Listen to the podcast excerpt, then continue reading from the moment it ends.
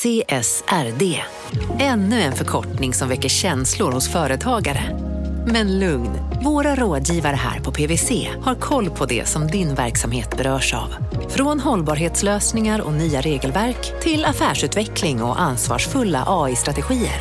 Välkommen till PWC.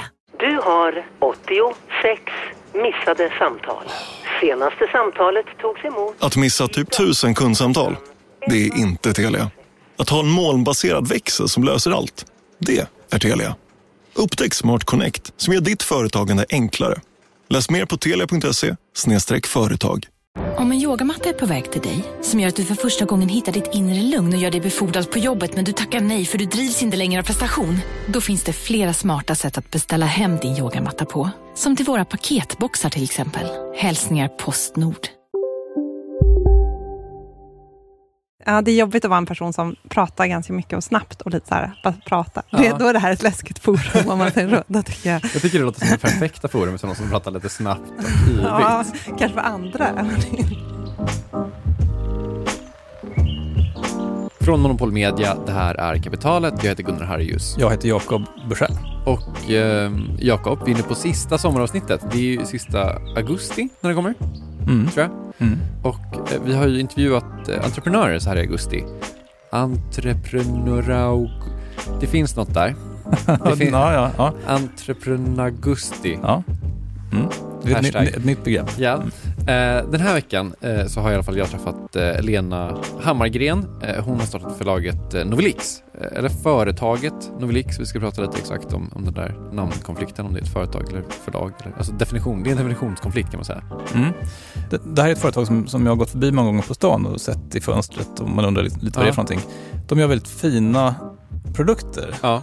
liksom paketeringar av böcker, vilket känns ganska nyskapande. Mm. Och, och, och det är också vad Novelix gör. De ger ut eh, böcker innehållande en novell per bok och så släpper de novellerna fyra åt gången i, i askar. Ja, precis. Liksom noveller är liksom kärnprodukten och sen så är det väldigt fin eh, paketering kring dem där. Eh, Anledningen till att jag vill prata med just Lena, det är faktiskt inte för att jag är så här våldsamt intresserad av noveller, ut- utan för att jag tänker att det här är en ganska så traditionalistisk bransch, så här förläggarbranschen, och hon har liksom kommit in i den från utsidan kan man säga.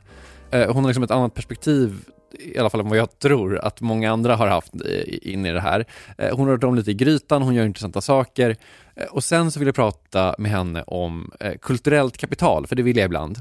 Det här är någonting man måste ha i förlagsbranschen för att sen kunna omsätta det till fysiskt kapital. Alltså det finns en växelkurs mellan så street cred och pengar. Ja, eller culture cred. Alltså street, ja, det är liksom jag vet inte, salongs-cred snarare än street Mm. cred kanske. Eh, Och till pengar. Den växelkursen är man intresserad av. Jag Har, hon salongscred tror du?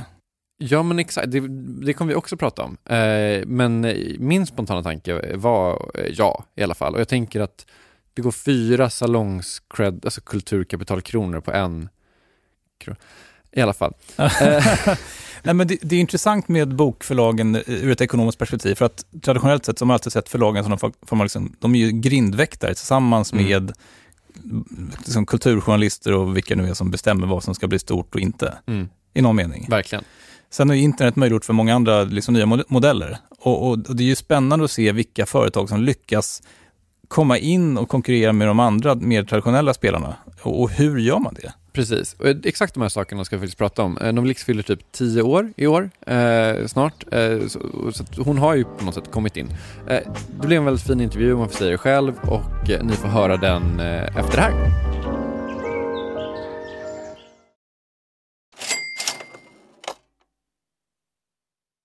Vi sponsras av Storbrand Asset Management som ju förvaltar över 1000 miljarder norska kronor, bland annat för SPPs eh, många pensionssparare. För två år sedan så investerade Storbrand i drygt 60 tåg, alltså tågvagnar, eh, som rullar mellan London och Skottland. De leasar sedan de här tågvagnarna till tågoperatören som alltså kör tågen och säljer biljetter och sånt eh, med ett avtal på 27 år. Så britterna får nya fina tåg och Storbrands kunder, eh, däribland alltså SPPs pensionssparare, får en inflationsskyddad avkastning med låga risker under lång tid. Det här är ett av supermånga exempel på hur pensionskapitalet i växande omfattning bidrar till att bygga samhället och inte minst till att klara klimatmålen. Det behövs elproduktion, elnät, batteriparker, nya transportlösningar och allt möjligt. Bara i Europa antas investeringsbehovet för att klara klimatmålen uppgå till tusentals miljarder dollar. Och det här är ju pengar som ganska ofta saknas i statsbudgetarna. Däremot är det här pengar som pensionsbolagen kan vara med eh, och stoppa in, vilket ger pensionsspararna en fin avkastning under lång tid samtidigt som man är med och ställer om samhället. Vi har gjort ett helt avsnitt om det här eh, som man kan lyssna på. Det publiceras här i Kapitalet i mitten av maj. Ratta gärna in det om ni vill lära er mer om hur det här funkar. Men tack säger vi till Storbrand Asset Management som ju investerar i alla tänkbara tillgångslag, bland annat för pensionsbolaget SPP. Och tillsammans försöker ju vi, Storbrand och SPP, öka medvetenheten om hur pensionerna funkar och vilken roll pensionerna spelar i samhället och i ekonomin.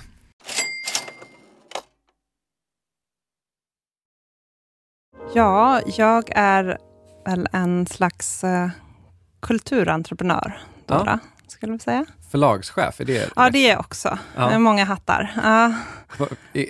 Förlagschef VD väl... förlagschef står det, tror jag, på mitt uh, ja. visitkort. Men det är en typ av kulturentreprenör? Förlagschef? Ja. Ah, nej, eh, när vi startade det så tog det något, något... Jag kommer ihåg första gången någon kom och sa till mig sådär att Jaha, du har, du, har startat, du har blivit förläggare? Du har startat förlag? Och jag var så nej, förnekat. Och, nej, verkligen inte. Så Och så, så började jag liksom inse lite, okej, okay, Ja, vi ger ut böcker. Ja, men jag var tvungen att förlika mig med att jo, men det, det är ju ett förlag. Det är ju, mm. Jag är väl förläggare, men det är, liksom, det är därför jag... Det är nog inte det första jag säger och tänker och ser mig som. Och det var väl inte det jag tänkte att jag skulle bli. Vad tänkte du att det skulle bli? Jag, tänkte nog, jag fokuserade nog mest på att eh, skulle bygga och förverkliga den idén, affärsidén. Så att, i så fall, jag, jag satt ju VD på det där visitkortet efter några månader. Alltså, så det har väl varit, det har liksom inte varit en dröm att vara VD, men det var mer att, just att det var ett företag vi startade och inte ett förlag. Så mm. det är liksom, men från början var du översättare? Eller du ja, översättare? Ja, jo, men jag blev väl precis, eh, kom in i översättarsvängen precis när vi kom på den här idén också. Så, så att eh, jag eh, hade översatt mina första böcker, novellsamlingar råkade det vara, mm. för några, några, olika förlag um, från tyska. Så det var, jag kom från översättarhållet, jag kom från bokhållet, från texthållet på det sättet. Mm. Och, och liksom, vad, om man tar en ännu längre bakgrund på dig, så mm. vad, vad, vad, kommer du ifrån ännu mer? Alltså jag, jag har ju gått eh, Waldorfskola ja. i 12 år.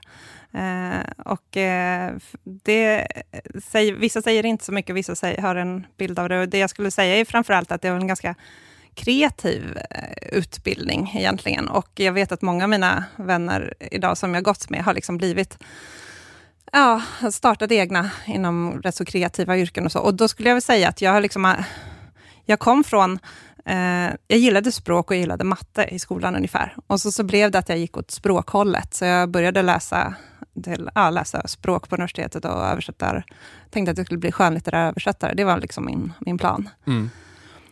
Samtidigt så hade jag ju ganska nära eh, nära omgivning, om man säger så, med min brorsa och min en, eh, för detta pojkvän var, startade företag och var liksom i entreprenörsvärlden. Men eh, jag var, ju, jag var väldigt säker på att jag skulle bli översättare och ta mig in och lyckas liksom som skönlitterär översättare. Mm. Och sen så kom vi på den här idén mm. och då föll liksom på något sätt allt på plats för mig på det sättet att ja, men jag fick hålla på med kreativt med litteratur, med böcker på något sätt. Men jag upptäckte, jag fick ju också göra det som jag tyckte var, det är det som jag tycker är nästan eh, roligast, just här starta och skapa någonting, alltså just hela den här entreprenörsbiten. Så att eh, det blev, på något sätt så blev det, ja, jag landade i eh, där jag vill vara och där, dit jag, jag visste väl inte att det var det jag ville göra, men på något sätt så blev allt väldigt rätt.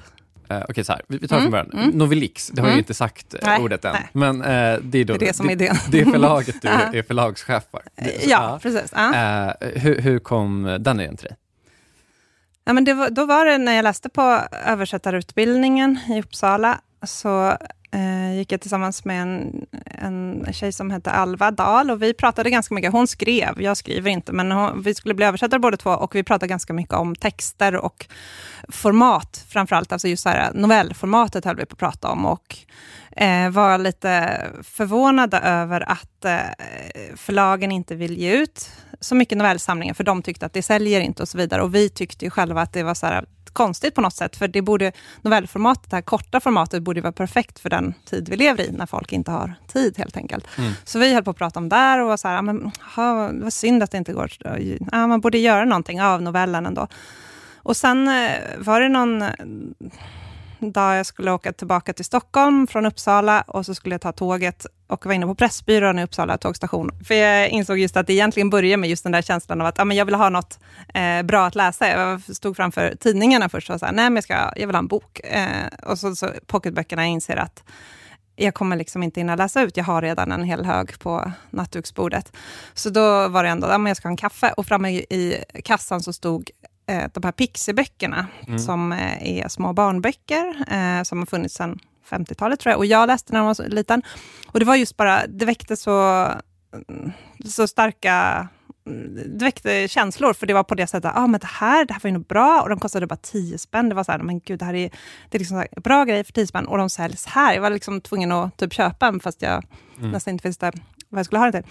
Ur det så, så var det lite också, ja men pixieböcker för vuxna, men det kanske liksom inte är, det är inte novellen i sig det är fel på, utan det är i så fall paketeringen. Det är liksom, de ska inte komma som i en novellsamling, utan novellen ska eh, stå på egna ben, så en och en. Så på något sätt, ur de här eh, tankarna kring noveller och sen då den här pixieböcker för vuxna-tänket med just distributionen handlar det om på det sättet. Att ja. så här, eh, tillgängligheten, så föddes idén till Novelix. Och då var det just att ja, men det ska vara en novell per bok. Och sen så, eh, vi, vi var ute i, i skärgården på min mammas eh, ställe och eh, satt en helg och bara skrev ner hur vi tyckte. Då var det liksom allt från, aha, så här ska det vara, det ska släppas fyra åt gången, fyra gånger om året och det ska vara nyskrivet av de här typerna av författare, och det ska vara det här och här, de ska säljas här och så vidare. Så vi gjorde liksom en hel, ja, en, en form av affärsplan, fast vi inte tänkte det, men ett, mm. ett, en skiss på liksom hela idén.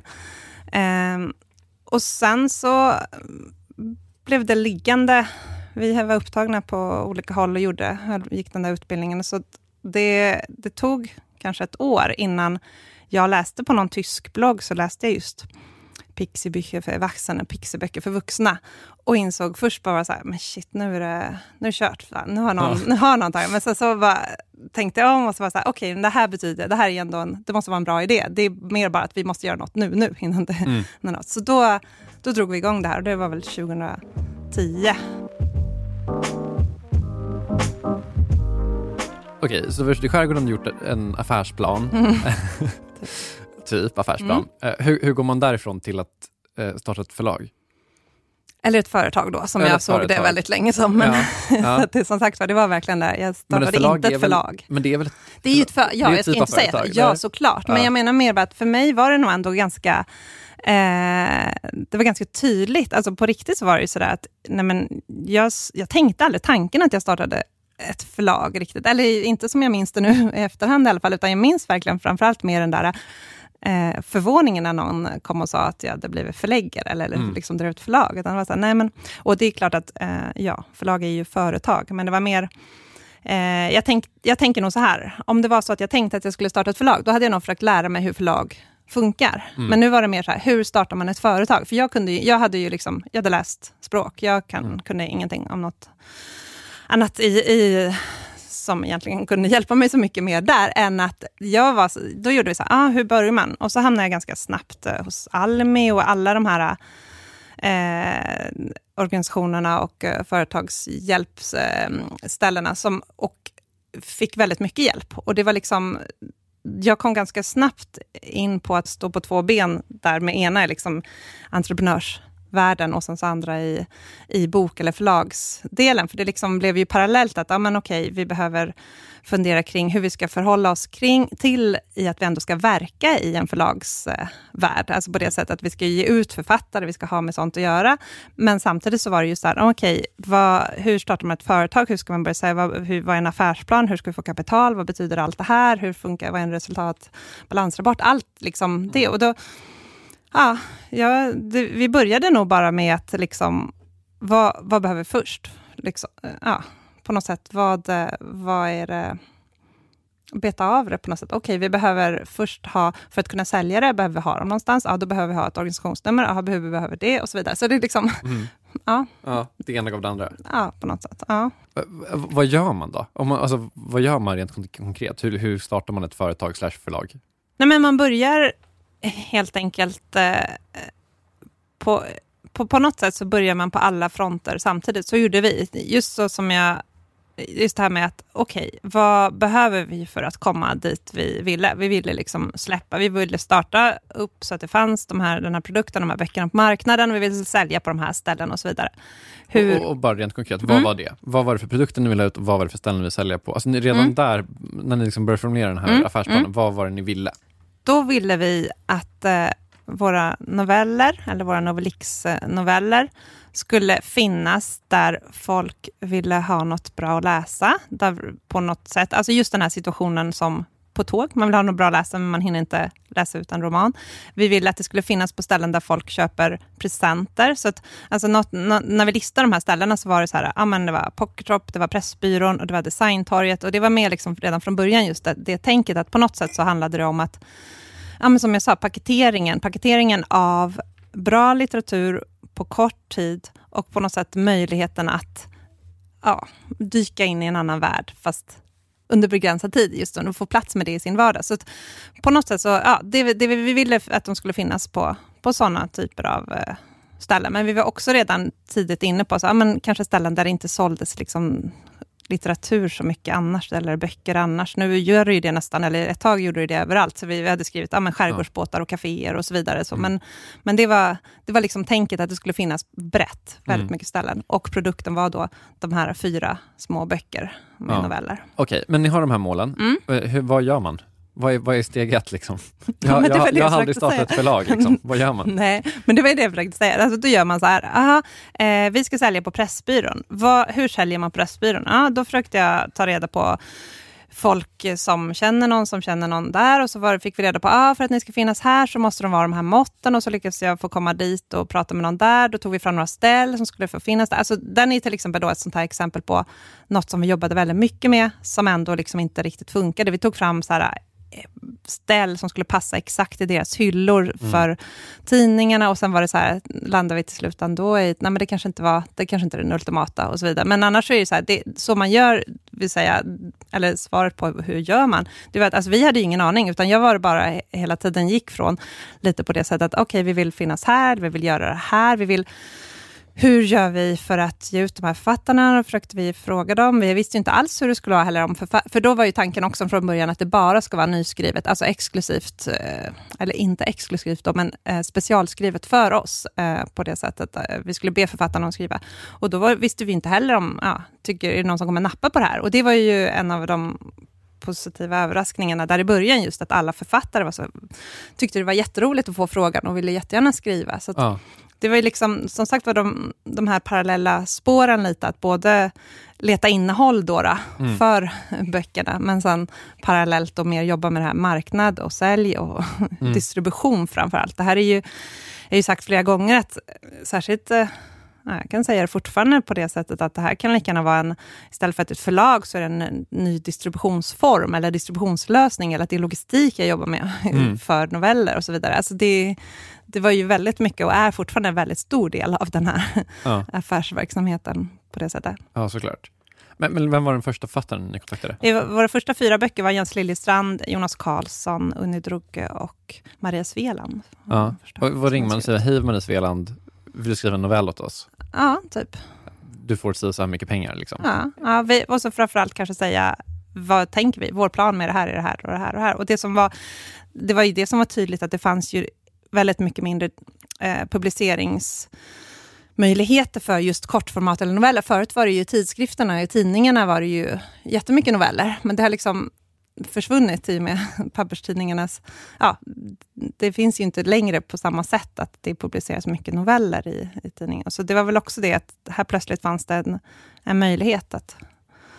Men, men om man tar novellen då, Mm. eh, alltså fanns det inte någonting i det som, för jag hade kanske resonerat så här, ja men eh, det släpps inga noveller längre i liksom veckopressen eller Mm. dagspressen för att eh, ingen vill väl läsa noveller. Skulle man kunna resonera? Snarare än, här finns världens affärsmöjlighet. Ja, men vet du, ja, men så här är det. Det är det som också är roligt, för det är precis samma... Du skulle kunna resonera så, och du skulle kunna resonera också det utifrån det jag sa förut, att, så här, att ja, men förlagen vill inte ut novellsamlingar, för novellsamlingar säljer inte. Ja, Mm. okej, nej, men varför ska man då satsa på det? Eller liksom ge sig in på det? Men det är ju för att alltså, det är en helt annan sak. Alltså, jag tycker egentligen inte, eller jag har inte gillat, jag har inte tyckt så mycket om noveller. Egentligen. Nej, men jag, jag, tycker inte om att läsa novellsamlingar. Alltså Nej. för att på något sätt så är det som så här, då, typ, då ställer sig min hjärna in sig, min hjärna ställer sig in sig på att det liksom... Ja, men, att det, det, jag tycker att det blir tydligt att det är lite hoppigt på något sätt. Eller jag tycker inte om det på det sättet, att Ja. läsa en, en novellsamling med olika noveller. Men däremot, den är liksom en helt annan funktion när du har den bara en. För det är då det är på något sätt att istället för att det ska kännas som en del av något och så blir det inte klart eller någonting, så blir det liksom, då kommer det fram ännu mer att jag kan läsa det och så har jag stängt det och så är det klart och jag har fått hela den här upplevelsen och så vidare. Så det var, jag, det var ju därför på något sätt som vi, vi var övertygade om att det är bara att folk inte fattar, eller det finns inte tillgången på det sättet så som man vill ta, ta, ta till sig det på något sätt. Alltså, så det var, det var, vi kände ju redan och känner fortfarande hela tiden, men det är inte novellen i sig det är fel på, även Nej. om man skulle kunna tro det om folk inte Ja. vill köpa och läsa dem. Och det tycker jag egentligen att vi har eh, på något sätt ändå kunnat se att det nog ändå finns något där. Ja.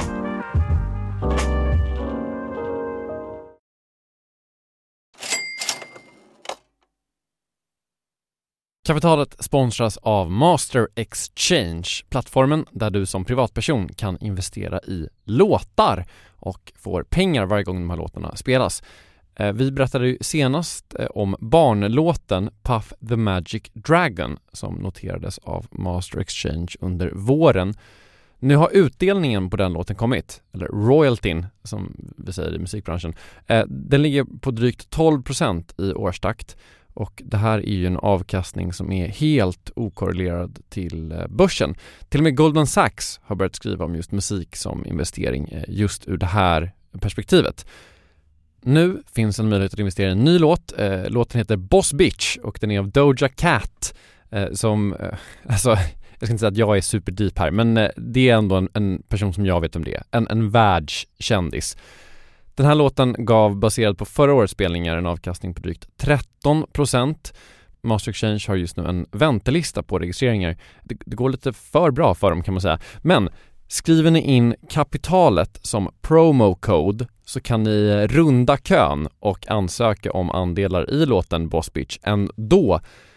Om ni investerar helt vanliga pengar, det är inget krypto eller sånt där, så vill du investera i musik och få en avkastning som är helt okorrelerad med börsen och kanske inte minst för att det är kul att äga låtar eh, så kan man gå in på masterexchange.com och använda kapitalet som promo code så går man alltså förbi kön. Kom ihåg dock att alla investeringar är förenade med risk men vi säger stort, stort tack till Master Exchange. Kapitalet sponsras av Karla, Jakob. Ja, bilar igen. Ja, det är Eh, härligt. På Karla kan man sälja sin elbil eh, på det gissningsvis smidigaste sättet i Sverige. Eh, Karla har ju ett nästan ett komiskt högt användarbetyg på Trustpilot. Mm. 4,8 av 5, vilket jag typ aldrig hört talas om. Nej, det är väldigt, väldigt högt. Eh, Man knappar in lite info om bilen på sidan, sen får man en gratis värdering och ett bud. Accepterar du budet kommer Karla och hämtar upp bilen gratis och sätter in pengarna innan de kör iväg. Inget mer än så. Rätt fantastiskt. Nej, det är faktiskt Ja. helt otroligt. Och eh, det kan bli ännu mer eh, otroligt än så. eh, För att vi har nämligen en rabattkod som ger dig 2000 kronor extra för bilen. Så att om du säljer din bil så får du två lax extra. Stämmer. Bara sådär. Koden är Monopol. Och eh, den uppger du när du har värderat bilen och eh, pratat med Karlas inköpare. Koden är giltig till sista maj, så att eh, passa på om du går i säljartankar. Jag undrar om vi haft en kod som har gett två lax bara sådär någon gång. Nej. Det är helt otroligt. Man behöver en bil förvisso. Absolut, så det är inte, kanske inte bara sådär, men det är ändå 2000 kronor extra. Väldigt bra. Ja. Så sälj din elbil eller laddhybrid till Karla. Du får 2000 kronor extra med rabattkoden Monopol. Hoppa in och kolla på karla.se, Karla Museet. Där kan man också köpa bilar ska jag tillägga. Verkligen. Vi säger stort tack till Karla.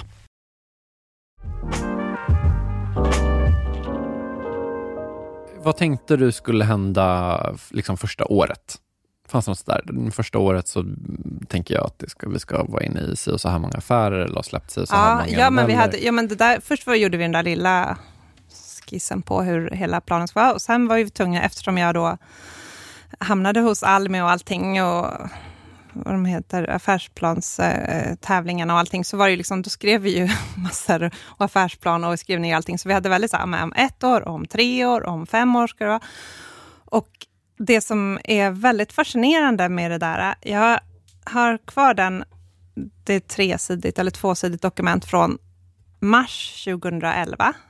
Ja, det måste vara det är två månader innan vi släppte den första. Eh, och allt stämmer idag i princip. Alltså det är helt eh, sjukt. Va? Det enda, ja, men det enda, ja, och det är väldigt ovanligt skulle jag väl säga. Du är den antagligen. första när det- personen som har sagt det här. Mm, jag var på väg att skriva ut de här för att ta med till dig, för att Ja. ja. se, och så var det så här, nej, men det kommer bara prassla med allting.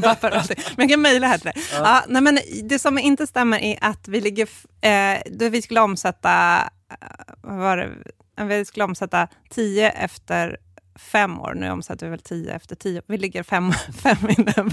Det, Ah, men, och sen har vi släppt, det var någonting som vi inte vi har lagt till lite få saker, men i stort, för det, alltså just det här att vi skrev redan där, vi ska expandera utomlands, vi skrev redan där, vi vill att det ska finnas, ja, men på alla de här ställena det ska finnas, vi ska göra specialteman, vi ska, alltså det var, äh, det är lite skrämmande. Och det, jag tog fram det här pappret när vi firade fem år, Ja. för vi skulle, jag skulle hålla tal och så skulle jag liksom hitta, börja leta lite gammalt, och då hade jag inte tittat på det på flera år. Alltså, och då var det just bara, men gud, Jaha, alltså den där chocken. Så nu, nu var jag lite beredd på att, att, ändå, att det stämde en del. Men det, ja. Ja. Det här brukar ju vara en, det här är en erkänd eh, Mm. eh, intervjuteknik när man pratar med någon startat företag, att man frågar eh, vad trodde du skulle hända vad, och vad hände? Och så har man det två, var pa- ganska tråkigt. och så har man två parallella spår och så ser det skillnaden mellan de här spåren som är mm. intressant. Eh, men, men, det, men okej, Hur- då är ju frågan, hur fan fick du det att gå precis som du ville? Jag tänker så här att eh, i många andra fall så handlar det kanske inte lika mycket om att det inte går som man vill riktigt. Alltså för det är massor som inte har gått, alltså vi har ju haft mm, gått på massor med nitar och det har hänt massor med saker som liksom, okej, okay, vi behövde ju tänka så, eller det här tog massor med år det och så vidare. Alltså det har ju förändrats till viss del, men jag tänker mer framförallt där att kärnan eller affärsmodellen eller hela det tänket, eh, att det kanske när det ibland inte blir så som man vill så har det handlat mer om att medan man bygger någonting så har kanske förutsättningarna runt om förändrats. Det har kommit andra aktörer eller det har inte gått att göra på det sättet och så vidare. Och i vårt fall så låg vi ju lite, lite eh, för tidigt på mycket.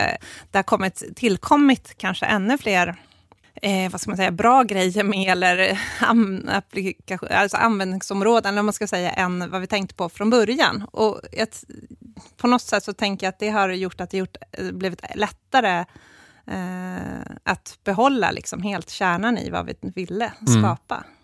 Kommer du ihåg någon så här tidig, tidig eh, motgång som var så här, shit, kommer det här... Många företag har ju så här, fuck, kommer det här gå Mm. överhuvudtaget? Ögonblick liksom. Ja, alltså, ja många sådana. Alltså, ett, men det var ju mer...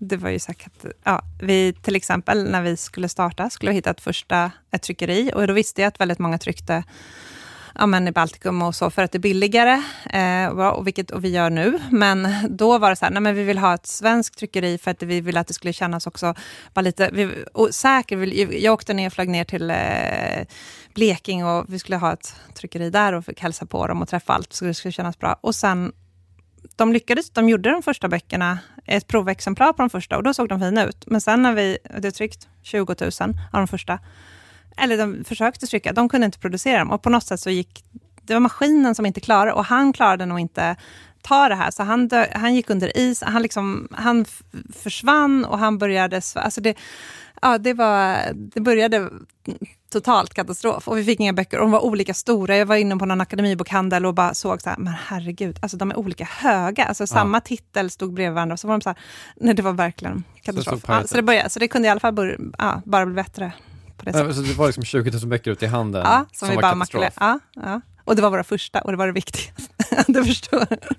Det var ganska jobbigt. Vad, vad, gör man då? Alltså vad, liksom, när du går och ser de här böckerna som är olika, Nej, jag, vet inte. Det är alltid en dimma den där tiden. har du, jag inte. posttraumatisk stress? Ja, typ.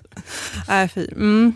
Eh, nej, så att... Eh, ja, så började jag. Sen finns det en, flera sådana historier genom tiden. Okej, men finns det någon gång som är så här, okej, ehm, det, det här kommer nog ändå gå? Alltså du kände så här, okej, nu har vi klarat Mm. den här grejen, na, na, na, nu, Mm. nu känner jag ändå att det här, jag behöver liksom inte skriva in på Arbetsförmedlingen om eh, fyra månader.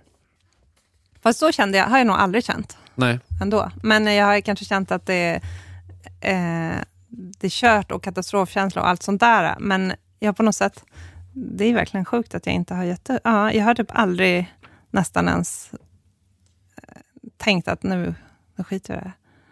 Men eh, det har ju varit som att det har varit att det har varit, har haft på senare tid jättesvårt med likviditeten har varit väldigt tufft. Det Mm. känns så här, och sen så har det ju varit sådana där Ja, som, och som framförallt som i stunden känns som så här, det, är- det är helt kört. Men nu i efterhand så kan jag ju se, alltså det har varit så väldigt skönt på det sättet att varit med längre. Eller nu börjar vi ju funnits, det är ju både, jag, jag tycker kanske mest det är skrämmande att, eh, att det inte har, jag hade velat komma ännu mycket längre på den här, att det gått lång tid. Mm. Men eh, annars är det ju också väldigt skönt på det sättet att i början så allt så viktigt. Alltså förutom, som exempel på det hade ju varit väldigt trevligt att få lika stora böcker, eh, när, till exempel. Men, men annars kunde det vara så här, ja men gud vad skriver de här recensenterna, eller vad ska de här skriva, eller vad händer om den här tycker det här, och liksom, hur kommer den här se ut? Allt var så viktigt. Alltså det är så skönt att ha lite fas, eller ha lite något att falla tillbaka på. Att det blir inte katastrof nu om någonting blir fel.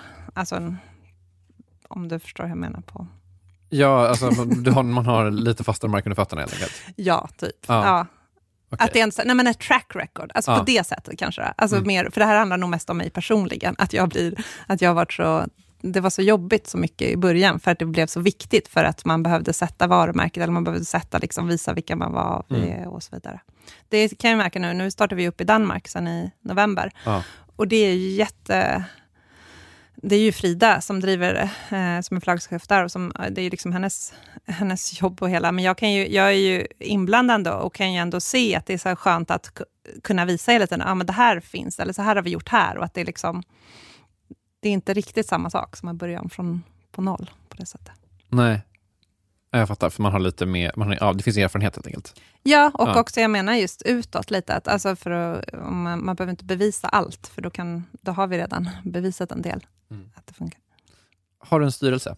Ja, då. ja och det hade det också. Alltså jag har gjort allt, när vi startade där så var det så här att jag eh, startade från början med tanken på, eller vi startade så här, att det här ska bli väldigt stort, det här ska byggas och det är samma, det är, vi bara, som där vi är nu, är det bara en liten bit på väg. Alltså det ska Mm. bli väldigt mycket större. Och då är det ju så här att, ah, okej, vi behöver göra allt som att vi är ett stort företag. Så vi, ja, men vi skaffade, jag hade en advisory board direkt och vi gjorde det här och här. Vi la oss på liksom distributörer. Vi la, gjorde många saker som kanske blev lite dyrare i början, men jag, jag var ändå väldigt det var, det var viktigt på något sätt att visa att vi var några räkna med, eller att vi liksom hade mm, visioner eller planer. Liksom. Så att, Mm. ja, nej men, och det, den här styrelsen, ja, det har bytts ut lite genom åren, men några har suttit i väldigt många år, och det har varit jätte, jättebra bollplank, för det har varit liksom folk som inte är från bokvärlden alls nästan, och som har hela tiden eh, haft kollen och fått styra mig och att det varit så här att jag har de här idéerna och det här och det här och så ska vi göra det här och så, så måste jag hela tiden förhålla mig till styrelsen som är liksom, okej, men eh, tänk på det här, eller först måste vi göra det här och så vidare. Så det har varit en väldigt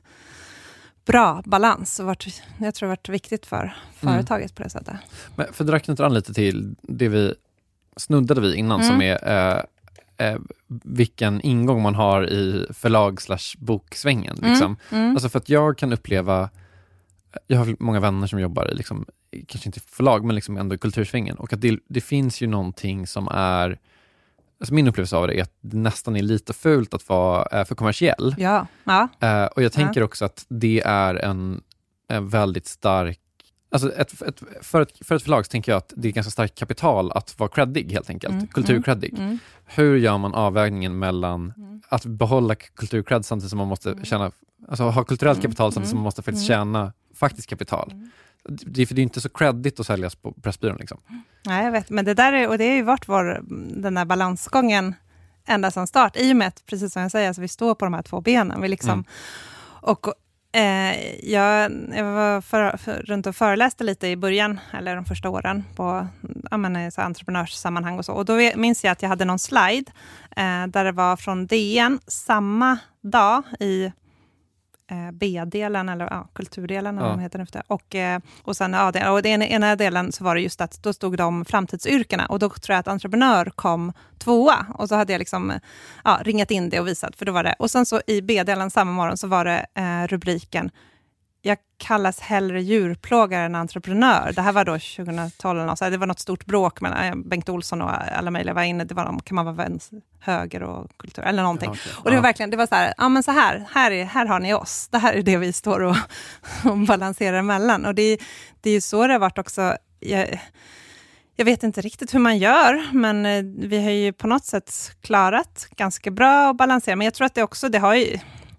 Jag gör ju det hela tiden. på det sättet. Alltså, jag själv, jag är liksom, kommer ju från då det smala, översatt, alltså tyska smala novellister. Och sen Ja. samtidigt så då så rör jag mig, eller velat, eller varit inne liksom i entreprenörskretsen och tycker det är spännande. Men då, det handlar ju på något sätt lite hur man väljer att, att prata, antar jag. Att, jag ska inte låta för fördomsfull, men jag vet ju att det blir ju... Jag har inte riktigt pratat om noveller, för jag vet också att det är väldigt många som inte vet vad noveller är. Man tror att novel roman och så vidare. Så de där är liksom så korta berättelser, i kanske entreprenörssammanhang mer. Och sen så nämner jag kanske inte ordet entreprenör lika mycket i, i vissa litterära kretsar där vi jobbar. Alltså, Det är på något sätt, här. helt enkelt. Ja, Igen. det handlar ju om det. Ja. Verkligen. Så det är nyckeln till mycket.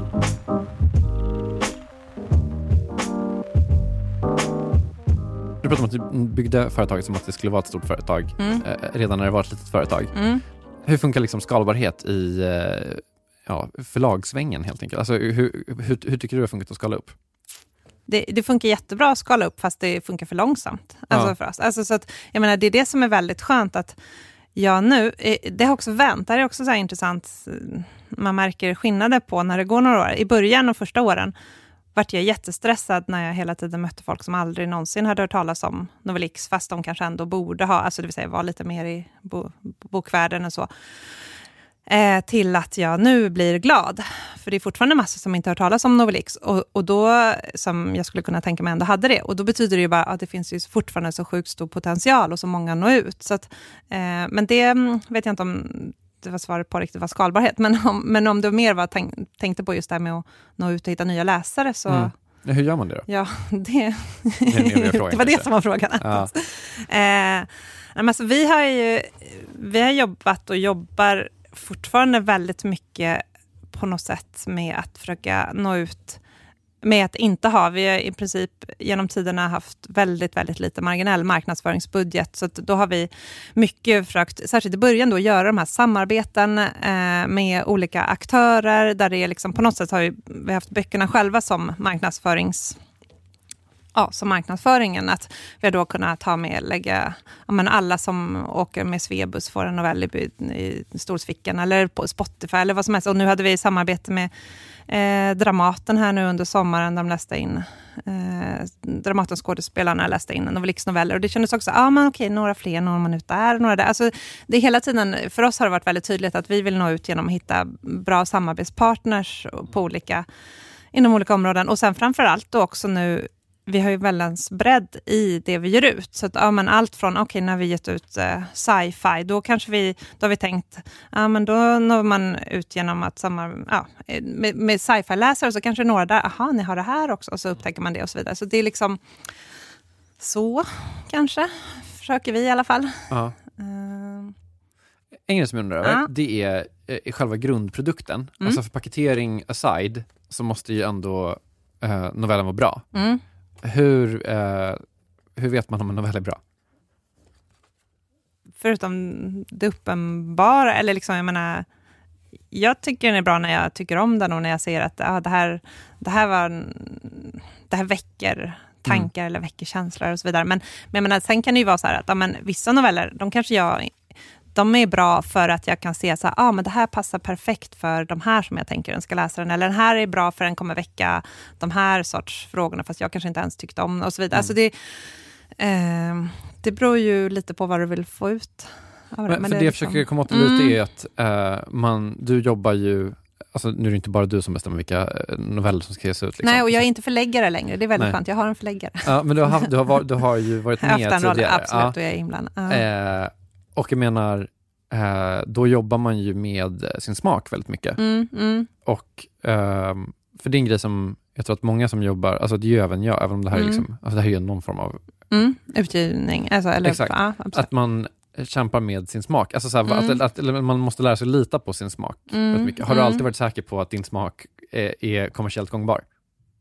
Men jag tänker så här att, att det där är ju mer fråga alltså om man ser sig som ett traditionellt förlag. Och jag håller med dig helt om att, så här, eller liksom, den är en jätterelevant fråga, för det har också varit så här i början, när vi bad om eh, när vi bad författare skriva mer. Alltså när, nu har vi gjort eh, mer klassiker och mer utländskt och så vidare. Alltså liksom, kom, på det sättet. Men i början också så fick jag ofta frågan, så här, men vad händer om en författare skriver något som inte är bra? Alltså, mm. och vi, vi redigerar ju såklart också en viss form av så, men det är liksom så här, aha, men om du har något som är större namn och så tycker ni inte det är bra, alltså det vill säga så som det är på vanliga förlag, mm. om man säger så också.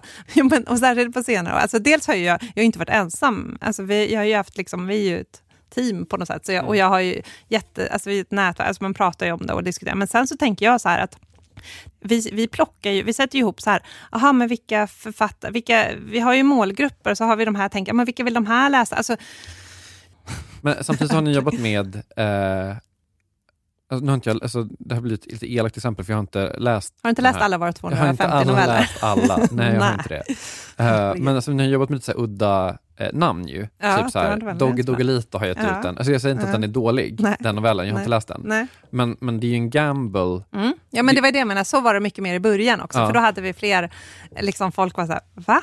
Eller, ja, ja. Och så blandade man ihop, blanda in dem också. Det var det som jag tyckte var roligt. Alltså, ja, men då fick Dogge Doggelito vara i samma fyra som, nu var inte Claes Östergren i den, men, men någon, ja, mm, liksom att blanda. Men, för, men hur, vet men, man, mm. hur, hur, gör man avvägningen? Alltså, det är det en var, riskavvägning ändå, för det är mycket troligare att Claes Östergren skriver en bra novell än att Dogge Doggelito gör det. Alltså, med, med all respekt mot Dogge verkligen. Ja, men jag skulle väl säga också att um, där har väl varit en liten sån utveckling att vi ger ut mycket mindre nyskrivet. Mm.